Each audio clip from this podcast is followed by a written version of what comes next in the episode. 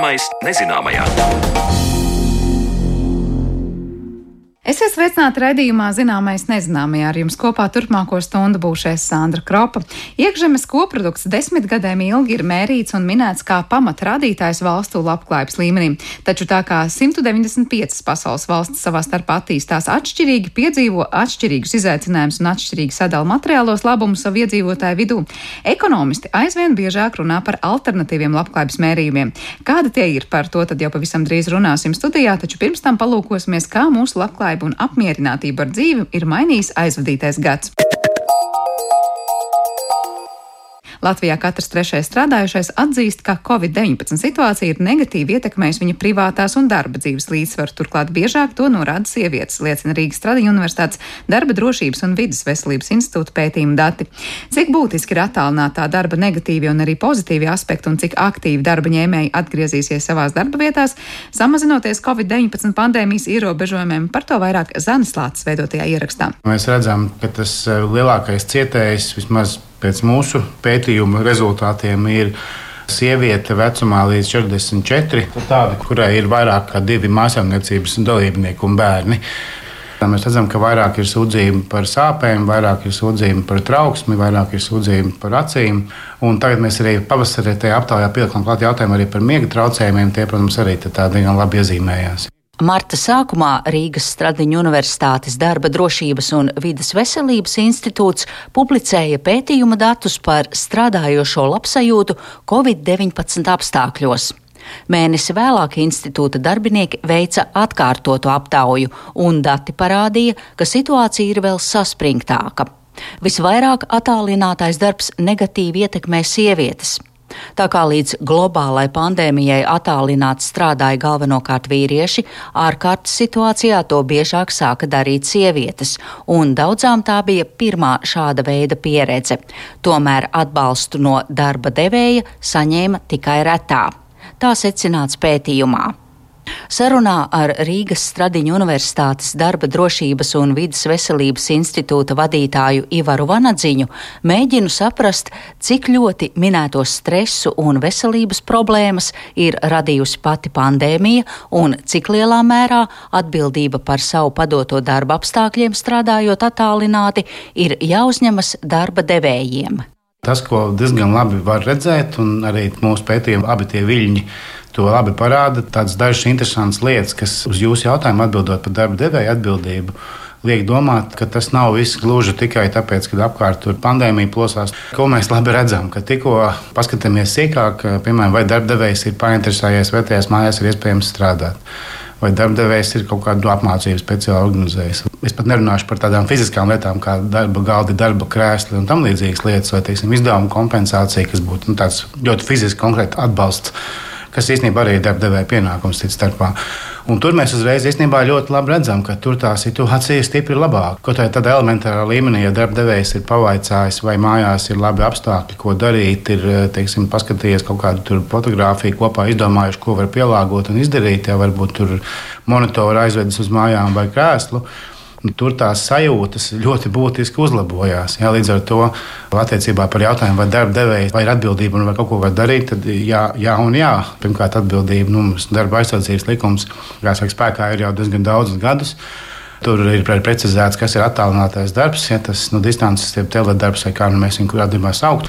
Un tie pienākumi jau faktiski nav savādāk kā birojā vai tajā parastajā darba vietā. Bet mēs tomēr ļoti labi redzam, ka tikko ir kaut kas no darba devēja puses darīts, tā uzreiz situācija ir stipri, stipri labāka.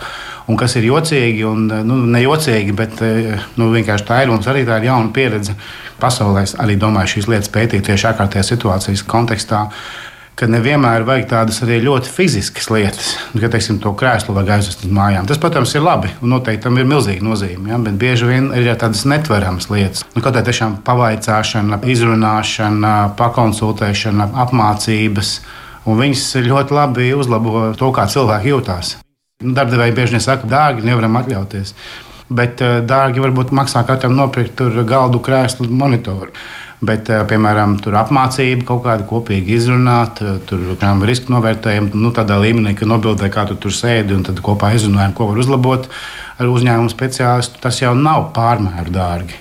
Tas ir vairāk attieksmes un vēlēšanās jautājums vairumā gadījumu. Līdz ar to ir atbildība un ir iespējas uzlabot situāciju. Bet ko var darīt darba devēji? Viņi jau nevar ietekmēt to gadījumu, ja sieviete pasakā, man ir tikai divas istabas, un, un bērni, kuri netraucēti, mm. var ienākt manā istabā, un man tie bērni vienalga jāaudzina. Mm. Labi, paldies par to galdu, par to krēslu, par to morālo atbalstu, bet man ir vēl jā, loģistika ar ģimeni. Nu, tur atkal ir nākamā lieta, ko īstenībā visticamāk diezgan daudzos gadījumos var diezgan labi darīt, ir tas, ka vienkārši elastīgi pielāgoties. Tad, kad tas teledarbs, attālinātais darbs pirmo reizi parādījās, viena no tām īstajām priekšrocībām, ko mēģināja pārdot, nu, kāpēc viņš ir labāks, ja, ir tas elastīgums, ja, un tas, ka tu vari nu, plānot tā, kā tev ir ērtāk, nu, aizvest to bērnu un tad, teiksim, pieķerties darbiem vai nu, nu, izdarīt tā, kā ir ērtāk. Ja.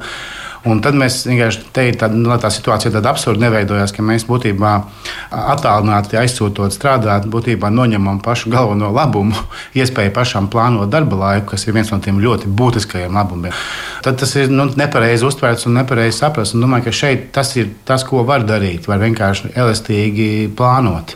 Saprast, ka teiksim, nevar tas cilvēks deviņos sapulcē pieslēgties, tāpēc ka bērnam tajā laikā kaut kas ir Nu, var jau būt, ka nav nekāds pasaules gals, ka tā sapulce ir 10 vai 8.30, ja, un īsāka vai savādāka, ja, vai viņi varbūt nostās pēc tam viņa ierakstā. Tas jau viss ir izdarāms. Ja, tur vairāk ir vajadzīga apusēja vēlme, nu, bieži vien no darba devēja, protams, nedaudz lielāka, vienkārši uzticēties, un kas arī ir tāds ļoti svarīgs aspekts atklātā darba kontekstā, ka daudz Latvijas darba devēja vienkārši neusticas. Un tie, kas saka, ka mēs nevaram attālināt strādāt, viņu galvenā motivācija ir faktiski neusticība, ka strādās. Tas ir arī ārkārtīgi traki, ja ir tādi darbinieki, kuriem tas darbdevējs nu, netic, ka viņš mājās strādā. Jā, tad skaidrs, ka kaut kas nav kārtībā pašā tajā uzņēmuma filozofijā. Un es arī apzinos, ka ir situācijas, kad galīgi nav variantu. Ja tur viens dzīvos, trīs bērnu, suns un kaķis. Nu, tas skaidrs, ka, protams, tas attālināts darbs, nu, vienkārši fiziski bieži vien nu, vienkārši nav iespējams. Bet arī tad darba devējiem, protams, ir iespēja tomēr nu, skatīties atkal elastīgi. Bet šādiem cilvēkiem vienkārši var būt, tad, ja teiksim, ir desmit cilvēki un deviņi var un viens nevar, tad tas viens var nākt uz to darbu galu galā. Jā, atkal jautājums ir, kā savstarpēji pielāgoties un kā savstarpēji samanģēt, lai visiem būtu daudz maz normāli, iespējami normāli. Jā, bet, ja tas vispār netiek pat pajautāts, vai tev ir vai tev nav iespēja strādāt, tad, protams, šī saruna vienkārši neturpinās. Un īpaši, ja tas darbinieks arī nav gatavs vai nav spējīgs pateikt, vai tas eh, vadības stils ir tāds, kas nepieļauj pateikšanu priekšniekam, ka nu, man paklau, man tiešām nav variantu meklējam citu kaut ko, tad es domāju, tas, ko mēs ilgtermiņā redzēsim, nu, daudz izdegšanas sindromu, jā, daudz kaut kādu nu, depresiju, nu, kas ir viena no tām klasiskajām pazīmēm, trauksmēs, stresam, nemieram un visām pārējām. To mēs noteikti jau redzam un redzēsim arī, arī tālāk nākotnē. Jā. Mūsu sabiedrībā, diemžēl, aizvien vēl valda princips, ka lielāko daļu mājas darbu ir jāuzņemas sievietēm un ja uz viņas pleciem ir rūpes par bērniem, ēst gatavošanu, mājas tīrīšanu, un tam klāt nāk attālinātais darbs turpat mājā, kur nav piemērotas darba vidas, un vēl darba devējs nav atbalstošs, tad tā ir ļoti slikta kombinācija, teica Ivars Vanadziņš. Šajā gadījumā, lai atvieglotu sievietei darba un dzīves apstākļus, recepte skan vienkārši - iesaistīt mājas darbos partneri pie nosacījuma, ja tāds ir un ja viņš ir gatavs palīdzēt. Iespējams, šis varētu būt tāds nu, vismaz daļai to ģimeņu grūdienis tajā, kad ir tās lietas, nu, var darīt savādāk, var darīt kopā, var dalīt pienākumus, ja, tur arī tādas pozitīvas izmaiņas ir. Nu, nav jau obligāti, ka viens dara visu vai viens dara tikai to. Visas tās lietas var izdarīt ir ārkārtīgi maz tādu darbu, ko nevar izdarīt viens vai otrs. Lampiņu arī var apmainīt abi divi, vai uz veikalu aiziet abi divi, vai grīdu izmazgāt abi divi, vai suni izvest abi divi. Tur nu, nav nekāda starpība. Bet, ja mēs tagad nedaudz prognozējam nākotni, pandēmija pierādīja, ka var strādāt no mājām. Ja nu, mēs nerunājam par šīm negatīvajām blaknēm, bet ja nu, viss ir daudz maz sakārtots, ka tomēr var. Kā jūs prognozējat, cik daudz darba ņēmēji vispār vēlēsies atgriezties eh, savās fiziskajās darba vietās? Mm. Jā, nu tas ir jautājums, ko arī pasaulē daudz kur plaši uzdod un mēģina atrast atbildi, jo tam ir milzīga nozīme tam, kā izskatīsies nu, pilsētu centri un biroju telpu tirgi un daudz citu aspektu nākotnē. Un arī mēs tādu jautājumu, protams, uzdevām. Un īstenībā tā dominējoša atbilde tā, ka daudzi faktiski gribētu atgriezties režīmā, kas nav piecas dienas nedēļā birojas, bet ir kaut kāda kombinācija, nu, teiksim, divas dienas mājās, trīs birojā vai otrādi, vai reizes nedēļā, viena diena birojā. Jo viņi ir arī, protams, ka nu, atkal ne jau visiem tā ir bijis tāda veiksmīga sakritība, bet daudz arī novērtējuši priekšrocības. Ja, un, protams, nu, atkal nerunājot par tiem gadījumiem, kad galīgi nav iespēju. Jā, bet eh, nu, es pieņemu, ka droši vien kāda trešdaļa līdz pusē negribētu atgriezties pilnībā tādā pašā ikdienā, kāda viņi bija. Jo viņi būs sapratuši, kad ir eh, priekšrocības, jā, kaut kā tas pats ceļošanas laiks uz nodarbu. Jā, bet no nu, reizes nedēļā, droši vien, vai divas dienas nedēļā būtu jauki, tāpēc, ka tomēr esam sociāls būtnes, jā, un tās idejas jau bieži vien dzimst tieši kaut kādās neformālās diskusijās, jā, kas nav varbūt zūmā tik labi iespējams. Tā kā es pieņemu, ka tas mūsu viedoklis, redzot Latvijas situāciju, ir droši vien, ka no nu, trešdaļa līdz pusē negribētu atgriezties precīzi tā, kā bija. Tie būtu cilvēki, kas ir gatavi strādāt arī attālināti nākotnē. Tieši kādā formā tas droši vien ir tās nianšu jautājums. Nu, darba devējiem tas, protams, nozīmē to, ka varētu ietaupīt uz telpām, bet tām telpām būtu jābūt savādāk organizētām. Ja, kad varbūt to darba gaudu ir mazāk kā cilvēku, jo visi jau tāpat nekad nav darbā. Varbūt šāds modelis vairāk attīstīsies, ja vienkārši nu, pierakstamies, kurā dienā būsim. Ja ir 100 cilvēki strādā, tad teiksim, katru dienu ir 30 uz vietas un 30 darba vietas. Nu, es filozofēju, bet tā kā piemēra tikai minūte. Ja. Tā kā es domāju, ka tāds modelis drīzāk varētu būt. Un arī Pasaulē skatoties, ko kolēģi pēta, faktiski ir ļoti līdzīgi. Nu, kāda 40, 60% negribētu atgriezties precīzi tāpat, kā bija līdz šim. Jautājums, cik būs atbalstoši darba devēji, protams. Ja tā notiks, kad pusei biroja darbinieku būs iespēja strādāt attālināti, tad nākamais jautājums - kas notiks ar tiem, kuri līdz šim šos darbiniekus apkalpoja, piemēram, kafejnīcu un veikalu īpašnieki? Kāda būs viņu darba nākotne? Ja tajā pilsētas centrā to cilvēku ir mazāk, tad mainās strādā, teiksim, birojā 40% cilvēku darba spēku attīstīties valstīs tad viņus apkalpo 25% cilvēku. Viņiem varbūt pusē nebūs vairs darba. Tā kā viņi kaut kur atkal būs, viņiem būs jāpārmigrē citur. Tā kā izmaiņas droši vien būs lielākas. Tieši kādas viņas būs, to visi mēģina uzminēt, bet īsti jau skaidrs nav. Par attālinātā darba ietekmi stāstīja Rīgas Stradiņa Universitātes darba drošības un vides veselības institūta vadītājs Ivars Vanadziņš, un ar viņu tikās Zana Lāce.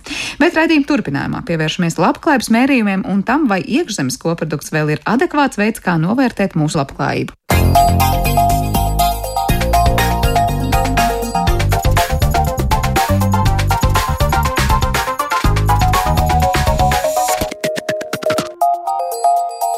Zināmais nezināmajā.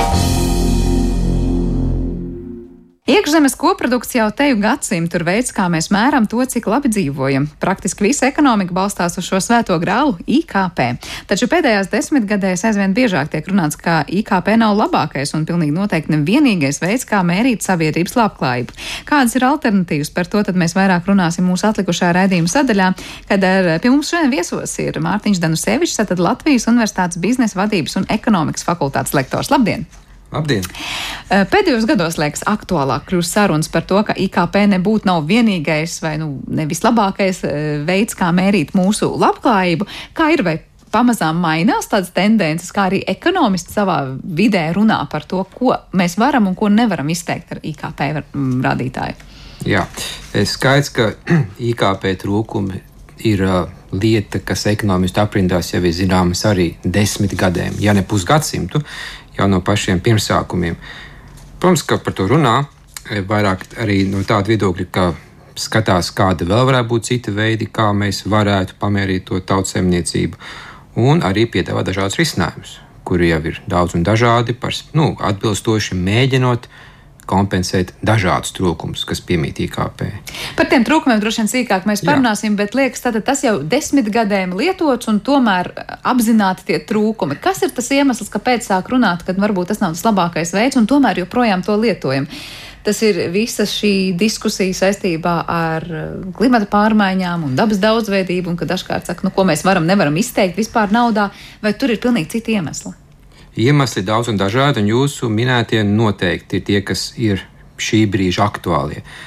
Bet tās problēmas jau pagājušā gadsimtā jau tika daudzas identificētas, Un, ja mēs ietu cauri tam sarakstam, mēs varētu teikt, ka problēmas ir nevienlīdzības jautājums, vides neuzskaitīšana, dzīves kvalitātes neietilpšana, vispārināšana, kā arī tas, kas ir tas izaugsmes rādītājs. Plus arī tas, ka bieži vien viņš IKP arī ir mazliet arī izkropļots, kur arī savi gadījumi. Ko sāksim vismaz var izmērīt ar IKP? Ko tieši tas mēra? Varbūt elementārs jautājums, labi, mēs zinām iekšzemes koprodukts, bet reāli dzīvē, ko tas nozīmē? Tieši tā. Vienkāršais jēdziens ir, ka mēs mēram visu, visas preces un pakalpojumus, kas ir saražotas kādā valstī, kādā laika periodā. Teiksim, cik Latvijā 2020. gadā tika saražotas preces un pakalpojumi. Pamatpieeja ir, ka skatās arī no, nu, no viedokļa, cik daudz ir iedzīvotāji patērējuši, cik daudz ir valsts veikusi tēriņus, cik daudz mēs esam eksportējuši, mīnusā, cik daudz mēs esam importējuši. To mēs zaudējam. Tas skaidrs, ka eksportēt būtu labvēlīgāk nekā importēt. Un tad arī parādās tā, tā, tā pamat, tā specifika, ka no vienas puses, jebkurš rādītājs, viņš ir labs, bet konkrētu mērķu noteikšanai. Jā, mēs zinām, cik Latvijā mēs esam saražojuši preces un cik mēs esam saražojuši pakalpojumus, cik daudz mēs esam eksportējuši uz citām valstīm. Bet mēs neko nezinām par mūsu labklājību, par to, vai tā rezultātā nav cietusi mūsu vide, vai mēs neesam noplicinājuši savus dabas resursus, un vai vispār tas kaut ko parāda par to, kā mēs dzīvojam. Tāpēc nevar teikt, ka viņš ir slikts rādītājs. Vienkārši jautājums tāds, ko mēs gribam uzzināt Un tam mums jādomā, tad, ko būtu jāmēra. Kur, kur auga kājas, ja tā var teikt, tam, ka šo rādītāju nu, sāk tik plaši vispār pie, pie, pielietot tajā ziņā, ka liekas, nu visu mērī pēc IKP. Mēri, jā. Protams, ka te, es teiktu, ka man šķiet, ka ir tā cilvēku īpatnība, ka cilvēkiem patīk dabūt vienu skaitli. Es gribu vienu skaitlīti, kas man pateiks visu. Nu, kam, protams, nav sev jēgas. Bet skaidrs, ka pirmkārt IKP ir daudz maz vienkārši. Viņi vienkārši ir noteikti. Jo skaidrs, ka naudas aprite ekonomikā ir uzraugāma, un šie dati ir savācami. Ja mēs runājam, ko IKP nemēra, to pašu labklājību, vidi, tad, te, protams, daudz teiks, jā, tas būtu jāmēra. Bet atkal rodas jautājums, kā? Kā lai es saprotu, cik daudz vide ir noplicināta, kā lai es saprotu, cik cilvēki ir laimīgi? Tad ir valstis, kas meklē risinājumus kaut kādus, uh, un mēģina kaut ko citu mērīt. Pirms mēs meklējam, domājam par to, kā meklēt tos risinājumus, jo tas tiešām ir interesanti, kā to vispār var izmērīt. Kur dažkārt liekas, mēs runājam par ļoti nemēramām un netvaramām lietām. Un tomēr ar šo IKP labi mēs varam salīdzināt vienkārši valsti savā starpā. Ja? Kurš vairāk saražoja, kurš mazāk saražoja. Jā, un nevienmēr tas arī nostrādā. Jo IKP jau nav tikai viens IKP. Parasti, es domāju, ka sabiedrība parasti dzird vārdu IKP vai iekšzemes koprodukts bet ne jau vienmēr masu mēdījos izskan vārdi - nominālais IKP, reālais IKP, pēcpikspējas paritātes un tam līdzīgi. Jo ir tas pamat IKP, kas ir, ir nominālais, ka mēs skatāmies, cik daudz kas ir saražots. Latvija saražoja tik, miljonu, tik e, kubikmetrus guļbaļķu, pārdeva par tādu cenu. Mums ir IKP. Bet tā nāk klāts cits jautājums. Varbūt, piemēram, pagāja gads, Latvija saražoja tikpat daudz guļbaļģus, bet cena pieauga. IKP arī pieauga. Bet vai tas nozīmē, ka mēs vairāk saražojām? Nebūtu nē. Mēs tikpat daudz saražojām, vienkārši cenas kļuva augstākas. Tā nāk palīdzīgā reālais IKP, kas ņem vērā cenas pagātnē un skatās, vai tiešām ir vairāk saražots, nevis tikai uz cenas rēķina. Jo varbūt paradoks, ka valsts saražo mazāk, bet dārgāk, un IKP pieaug. Tas nāk brīžos, kad mēs sakām, ejam vairāk uz to, ka mēs radīsim preces ar augstāku pievienoto vērtību. Tas mēs jau patiesībā mēs, mēs, mēs radām jaunas preces, kas ir citādākas preces. Tas ir labi. Viņiem ir augstāka šī pievienotā vērtība, un tā jau ir cita prece. Un tas jau ir labāk, jo tad mēs vairāk e, paturam pie sevis to ražošanu, ko būtu darījis kāds cits. Mm -hmm. Labāk nevis eksportēt koku materiālus, un pēc tam importēt mēbeles, bet labāk pašiem taisīt mēbeles. Un tas jau būs gan jauna prece, gan jauna augstāka cena un IKP augs. Un, jā, un arī paliks darba vietas Latvijā. Mm -hmm. Un tad jautājums arī ir uz iedzīvotājiem, mēs rēķinām, vai mēs rēķinām valsti kopumā. Viena lieta ir valsti kopumā. Lielākās ekonomikas pasaulē. Pirmā vietā ASV, otrā vietā Ķīna. Viss skaidrs. Skatāmies uz vienu iedzīvotāju, uz vienu dvēseli, kas sanāk. ASV nokrīt uz piekto vietu, Ķīna, Ķīna nokrīt zem 60. vietas. Tad atkal jautājums par to, cik liela ir valstu ekonomika. Tad var teikt tā, ka IKP uz vienu iedzīvotāju vienmēr būtu varbūt nu, tāds reālāks un atbilstošāks. Kāpēc arī ne? ne? Atkal problēmas. Mm, pieņemsim, ka Latvijā, ja mēs salīdzinām, teiksim, IKP uz vienu iedzīvotāju Latvijā un varbūt Luksemburgā. Ja Luksemburgā viņš būs trīsreiz lielāks, vai tāpēc Luksemburgā cilvēki dzīvo trīsreiz labāk? Diez vai. Es domāju, ka viņiem ir daudz augstākas e, dzīvošanas izmaksas. Viņiem ir dārgāks nekustamais īpašums, dārgāks transports, augstāki nodokļi un tam līdzīgi. Tad atkal pārreķina IKP pēc pirktspējas cik daudz tu vari nopirkt par to naudu, ko dabūji savā valstī. Tas ir tas vēl trešais IKP variants. Jā, tas ir pēc pikspējas paritātes, kas ir, manuprāt, visgodīgākais. Jo tas jau skatās to, ko es kā cilvēks varu nopirkt par to naudu, ko es savā valstī varu nopelnīt. Jo bieži vien cilvēki saka, jā, brauksim uz rietumiem, tur ir lielākas algas, bet tur ir dzīvoti dārgāk. Reizēm labāk ir mazāka alga. Šeit, piemēram, bet mēs zinām, ka te būs mazāki izdevumi. Un tas pēc piekspējas pārtāts ir jau vēl labāks, jo viņš to ņem vērā. Es pieņemu, ka tagad, ja mēs salīdzinām tādas valsts stabiņas, viņi lēkā būtu, augšā lejā. Jā. Cik ātri mainās tas? Varbūt tā, ka nu, valsts kaut kādā veidā nemainās. Par šie rādītāji pārāk ātri nemainās, jo valstu attīstība nav tik strauja. Parasti tagad nāk krīzes. Tad, protams, ir kaut kāds pārliecieni, kad ir dažas valsts, kas vieglāk pārvar krīzes un tādas, kas, kurām ir grūtāk. Bet normālos apstākļos sevišķi nemainās. Bet, ja mēs skatāmies, nu, šobrīd vēl joprojām tā IKP lauciņā, viena valsts eh, saražoja vairāk, vai arī kaut vai uz vienu iedzīvotāju, vai pēc pirktspējas, nu, var teikt, nu, tad izaugsme ir bijusi lielāka, otrā mazāka. Tas joprojām nav tā pārāk vispārināt teikt, nu, tā valsts, kas auga vairāk vai straujāk, nu tad tur ir labi viss, un tā, kur mazāk, nu, tur slikti. Jo no vienas puses varbūt te tā jau bija labi izaugusi valsts. Jā. Te arī jautājums ir par starta pozīciju. Savulaik bija, kad eh, Baltijas valstīs bija izaugsme 8, 9% gadā. Visi bija priecīgi. Tie pašā laikā, piemēram, Vācijā, Francijā izaugsme 0,5%. Viņi ir sajūsmā, jo viņu tas mazais procents izteikts naudā ir daudz vairāk nekā mūsu, piemēram, 4, 5, 6% izaugsmes, jo viņiem jau ir liela ekonomika. Jo skaidrs, ka te ir valstis, kuras ir, nav tikušas līdzi pasaules līderiem, viņām lielāks šis procentuālais pieaugums dos mazāk naudas. Tāpēc nevienmēr tā izaugsme nozīmē, ka ir labi vai slikti. Tāpēc arī te ekonomiski teiks, skatāmies kontekstā, skatāmies, kur tā valsts ir tagad, kur viņa bija pirms tam. Jo varbūt viņu lielās, li, lielie tempi neko nenozīmē. Ja tev ir 5 eiro vai tev ir 500 eiro, kad tu dabūsi vairāk par 1%. Bet tas joprojām ir tajā līmenī, kurā mēs neņemam vērā noplicinātās augsnes un daudz ko citu. Ja? Tātad tas ir viens no rādītājiem, kuram ir sava vieta, ja mēs tam atvēlam arī tiešām savu uzdevumu un uz tā pleciem nenesam pārāk daudz.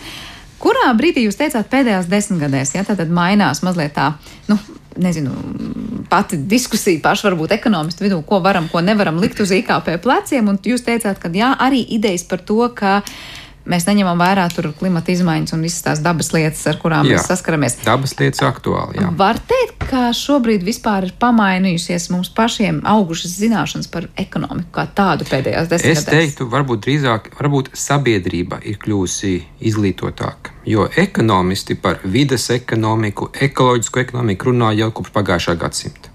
Bet viena lieta, par kuru runā ekonomisti savās grāmatās un rakstos, un cita lieta, ka sabiedrība to arī teikt, līdz tai tas nonāk. Jo tas, ka vide ir jāņem vērā, tas ir gadu desmitiem zināms, tas nav nekas jauns. Un arī ekonomisti par to runā.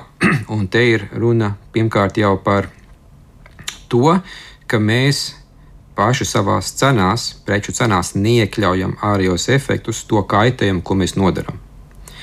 Mēs neiekļaujam cenā to kaitējumu, par kuru mums it kā tagad nav jāmaksā. Teiksim, es te, piemēram, iegūstu dabas resursus, rezultātā es teiksim, sabojāju kādu ainavu vai mežu, man par to varbūt nav jāmaksā. Es savā cenā to neesmu iekļāvis. Un tas līdz ar to arī nu, nonāk pie IKP.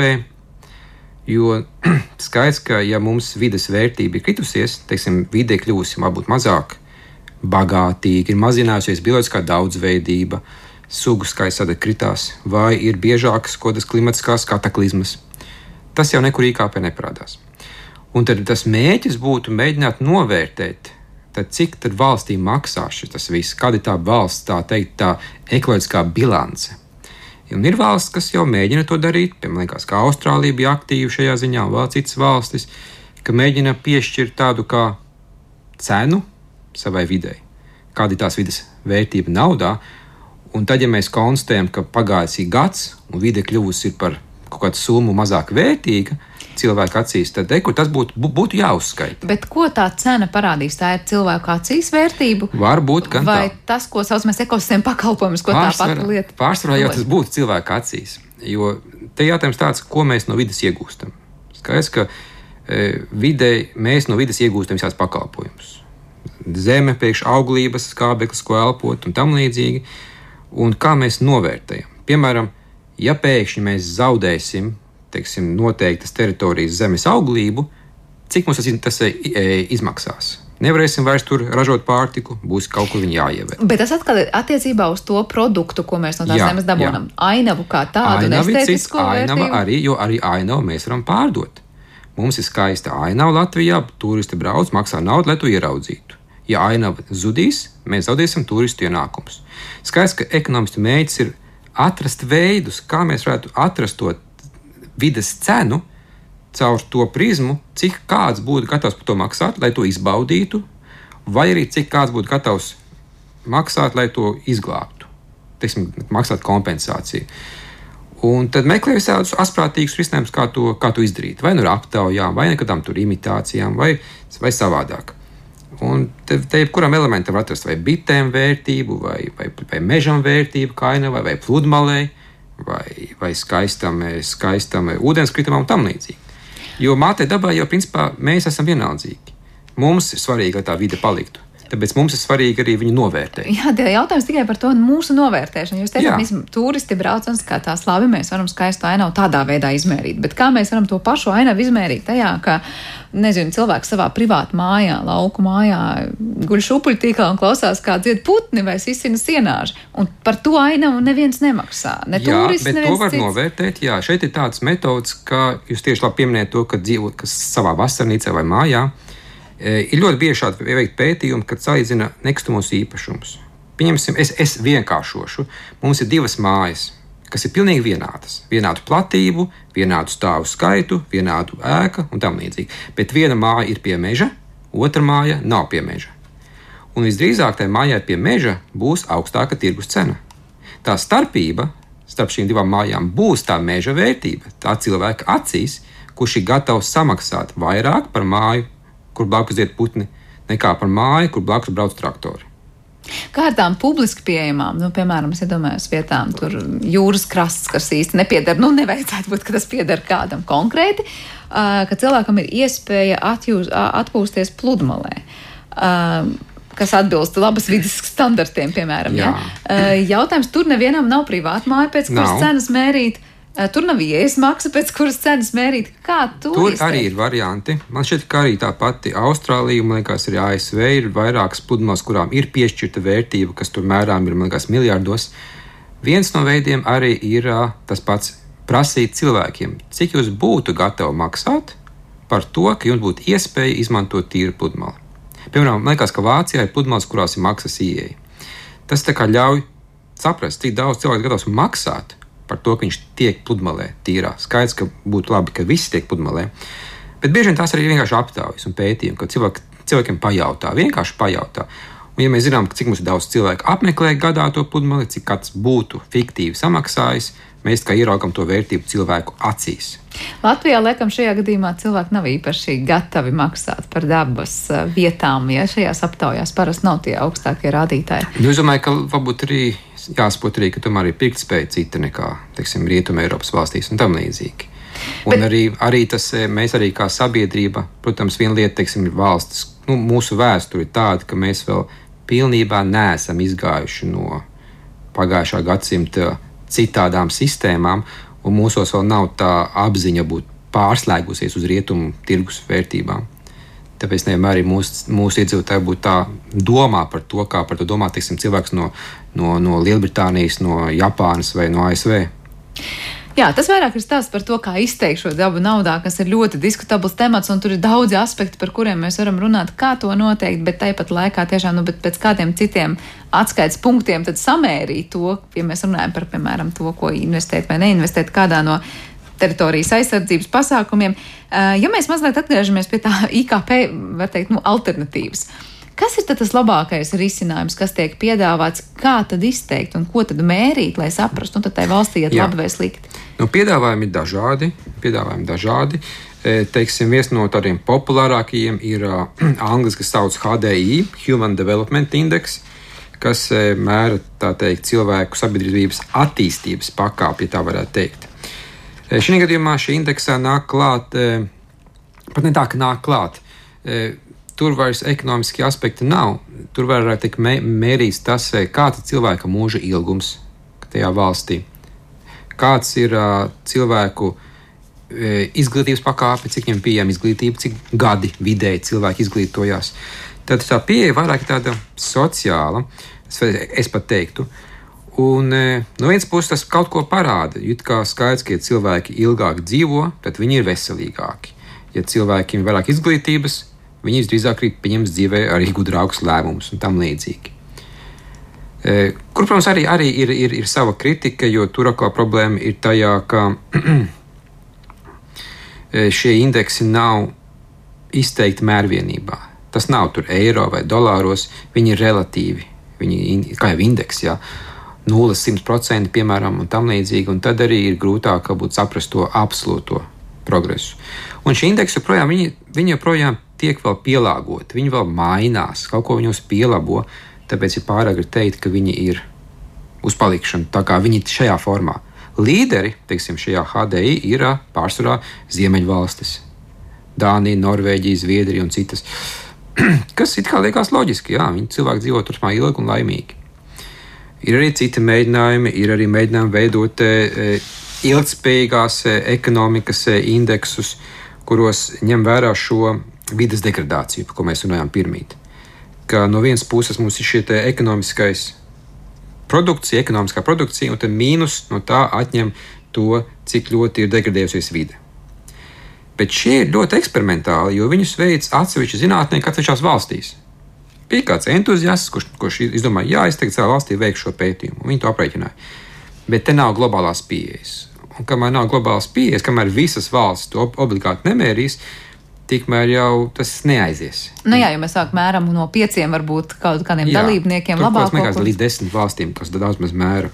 Kur citi nepiedalās. Jā. Bet šī ilgspējas eh, ekonomikas indeksā tiek ņemta vērā arī tā ilgspējas daļa, kas attiecas tikai uz varbūt dabas resursiem un vidi, bet, piemēram, cik um, vienlīdzīgi, piemēram, ir tie, kas strādā, vai, piemēram, Jā, vienlīdzības viņi... problēma tā īsti šeit nav atrisināta, jo tas ir arī tas paradoks ar vienlīdzību.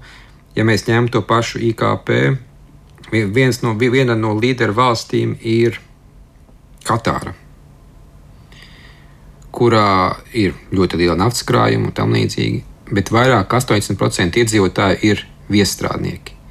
Un tiem die, diez vai tā bagātība tiek. Un tas sanāk, ir ļoti daudz valsts, kuriem ir ļoti labs IKP, pat reiķinot uz vienu iedzīvotāju. Bet nav ņemts vērā tas, ka uz vienu iedzīvotāju vidē 5-6 viesstrādnieki, kas atbrauc, pavargo un aizbrauc, ja viņas par tiek projām. Un, e, tieši šī nevienlīdzība arī rada būtiskas problēmas, jo IKP ir viens skaitlis, vidējais valstī uz iedzīvotāju, piemēram, bet viņš neparāda mums to, cik liela ir daudzveidība. Vai vairāk dominē, vai ir daži bagātnieki un daudz nabagi, bet vai ir vidusslānis. To nevar kā citādi arī tomēr. To var citādi, ja to izsaka citādi, to par spēta ar Gini indeksu un citiem rādītājiem kas mēra šo nevienlīdzību. Cik sabiedrība ir nevienlīdzīga vai vienlīdzīga? Ja visiem sabiedrības slāņiem ir daudz maz vienāda šīs turība, ir sadalīta, valstī ir vienlīdzīgi. Ja dominē bagātnieki, maza sauviņa bagātnieki un liela daļa cilvēku ir trūkumā, būs liela nevienlīdzība. Un Džina indeks to parāda, to mēra. un tur arī uzreiz mainās visa aina, jo tāda katāra nokrīt ļoti zemu, un atkal virsotnē parādās atkal tās pašas e, pārsvarā Eiropas valstis. Tad, principā, Eiropā mēs esam viena no vienlīdzīgākajiem. Ja kāds teiktu, ka jā, mūsu Latvijā tur bagātnieki, nē, mēs neesam sevišķi tādā stāvoklī. Mēs esam pasaules mērogā augšdaļā pēc, ne, pēc vienlīdzības ienākumu. Pēc ka tas ir kaut kāds cits rādītājs, ar citu mērķi, ar citu uzdevumu, un kaut ko rāda. Un pats IKP arī var būt maldinošs arī ne tikai no vienlīdzības viedokļa, bet arī no tā, kas tajā IKP iekšā notiek. Piemēram, tāds varbūt tāds mazs piemērs - īrija. Ļoti tāds aktuāls piemērs. Īrija pēc IKP, pēc pirktspējas, ir visturīgākā valsts Eiropā uz iedzīvotāju. Un liekas, ka tā, viņi, viņi, viņi apsteidz Luksemburgu, viņi apsteidz Nīderlandi, viņi ir liela gabala priekšā visiem. Un ekonomisti arī kādu laiku brīnījās, kas tā pa lietu, un patiesībā atslēgas slēpjas tajā, ka īrija ir šī nodokļu paradīze. Viņiem ir zemi nodokļi, un lielās pasaules korporācijas atver tur filiāls, lai nebūtu jāmaksā nodokļus. Bet reāli neko neražo.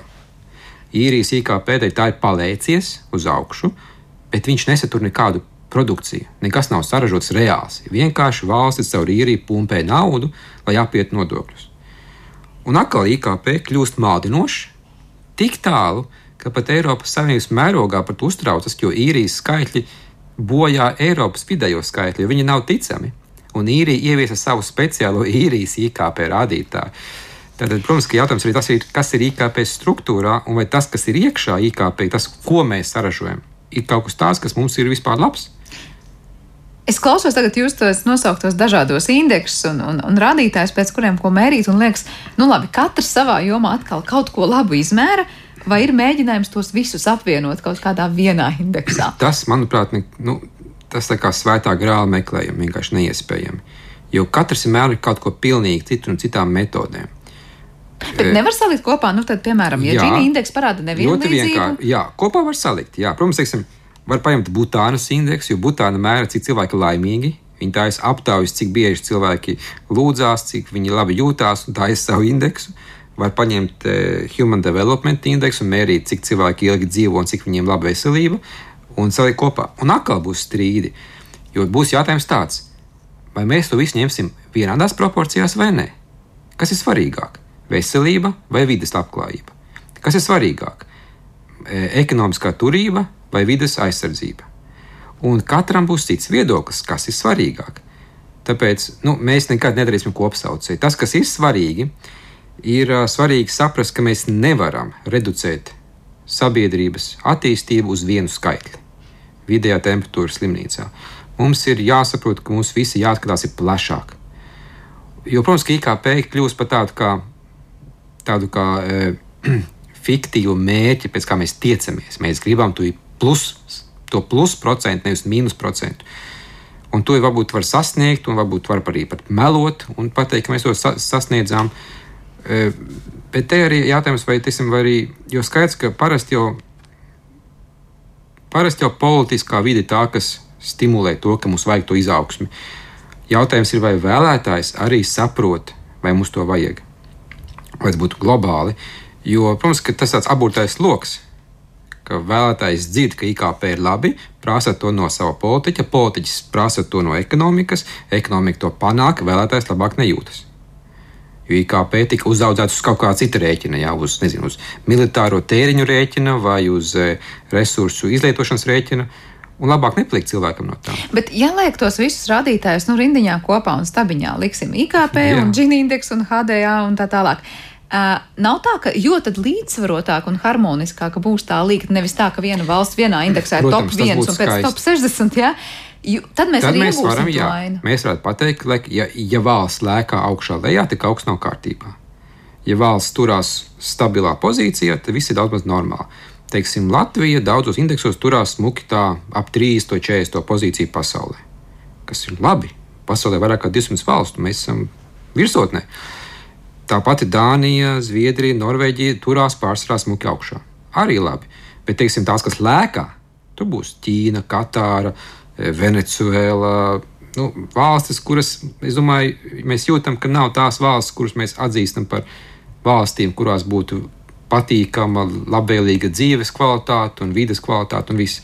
Bet par vidas kvalitāti vēl runājot, es domāju, labi, tas ilgspējas ekonomikas indeks droši vien parādīs, ja kāds saimnieko tā, ka vidē neklājas labi, nu droši vien pēc šī indeksa tur nekas augstu nesanāks. Mm -hmm. Bet vai ir iespējama situācija, ka valsts it kā liekas ir ļoti vidē draudzīga un labi saimnieko, bet patiesībā iegūst dažādus resursus vai saimnieko, var teikt, uz citu valstu zemju rēķinu, var teikt, pasliktina tos. Kā var izšķirt tādus gadījumus, vai ilgspējas šis ekonomikas indeks to parādīs, uzrādīs?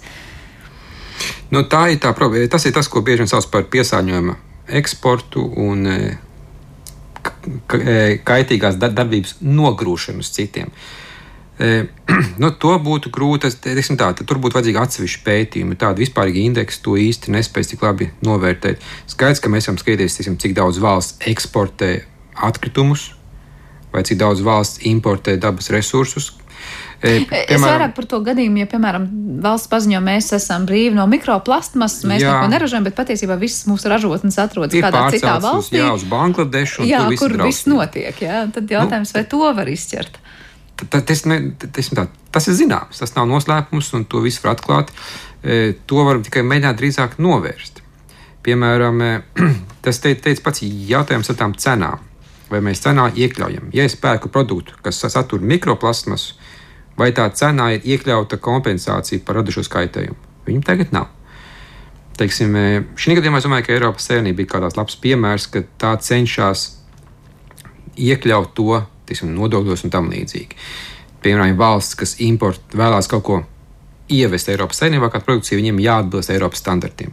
Un tas uzspiež šīm valstīm uzlabot savu ražošanas kvalitāti, tādējādi pietuvojoties Eiropas e, prasībām, e, kas varētu panākt to, ka lēnām varētu šāds novērst šādu kaitīgo, e, kaitīgo ka kaitīguma eksportēšana. Tā kā dažādas metodas un līdzekļi tam ir. Mums, diemžēl, ir jāliek punkts šai sarunai, kuras labprāt turpinātu vēl un vēl, bet vai noslēdzot jautājums, ir kāda pieeja, uz kuru mēs skatāmies kā uz tādu modeli nākotnes, uz ko virzīties? Nu, vai tas labais piemērs ir vispār tas, kā par šiem jautājumiem domā un mēra Eiropas Savienībā, vai tā ir pieminētā Butāna vai kāds cits? nu, es domāju, ka tas no, e, ir tik daudz piedāvājumu ka tik ātri mēs nedarīsim labāko ceļu. Bet eh, es domāju, ka tas, kas varētu būt iespējams labs ceļš, palikt pie tā paša IKP, bet aktīvāk iekļaut cenās kaitīgo darbību. Un tad mēs caur cenām, jā, cenas pieaugs. Bet tas godīgi parādīs, kura prece ir kaitīgi veidota un kura nē. Un tas arī palīdzēs precēm, kas tiek ražotas vidē draudzīgi, konkurences cīņā. Un tad mēs varētu pastarpināt šādi to pašu IKP arī izmantot tālāk, neizmantojot dažādus indeksus, kas gan noderētu citiem jautājumiem. Varētu arī teikt, jā, ka ne, nebūtu par sliktu biežāk paskatīties, kad mēs kaut ko ziņojam attiecībā pret IKP, kā klājas uz kā citiem. Citos, jā. Tieši tā, tās ainas varētu būt visai atšķirīgas, kā jūs minējāt, dažādus piemērus. Paldies jums par šo sarunu. Mārtiņš Danusevičs, Latvijas Universitātes biznesa vadības un ekonomikas fakultātes lektors šodien ir mūsu studijas viesis. Ar to arī redzījums ir izskanējis, par to parūpējās Paula Gulbinska, šī redzījuma producenta, Kristīna Delbija skaņu režijā. Savukārt Girds Bišs salika muzikālos akcentus šai stundai un ar jums kopā bija Sandra Kropa. Mēs tiekamies jau atkal rīt. Visu labu!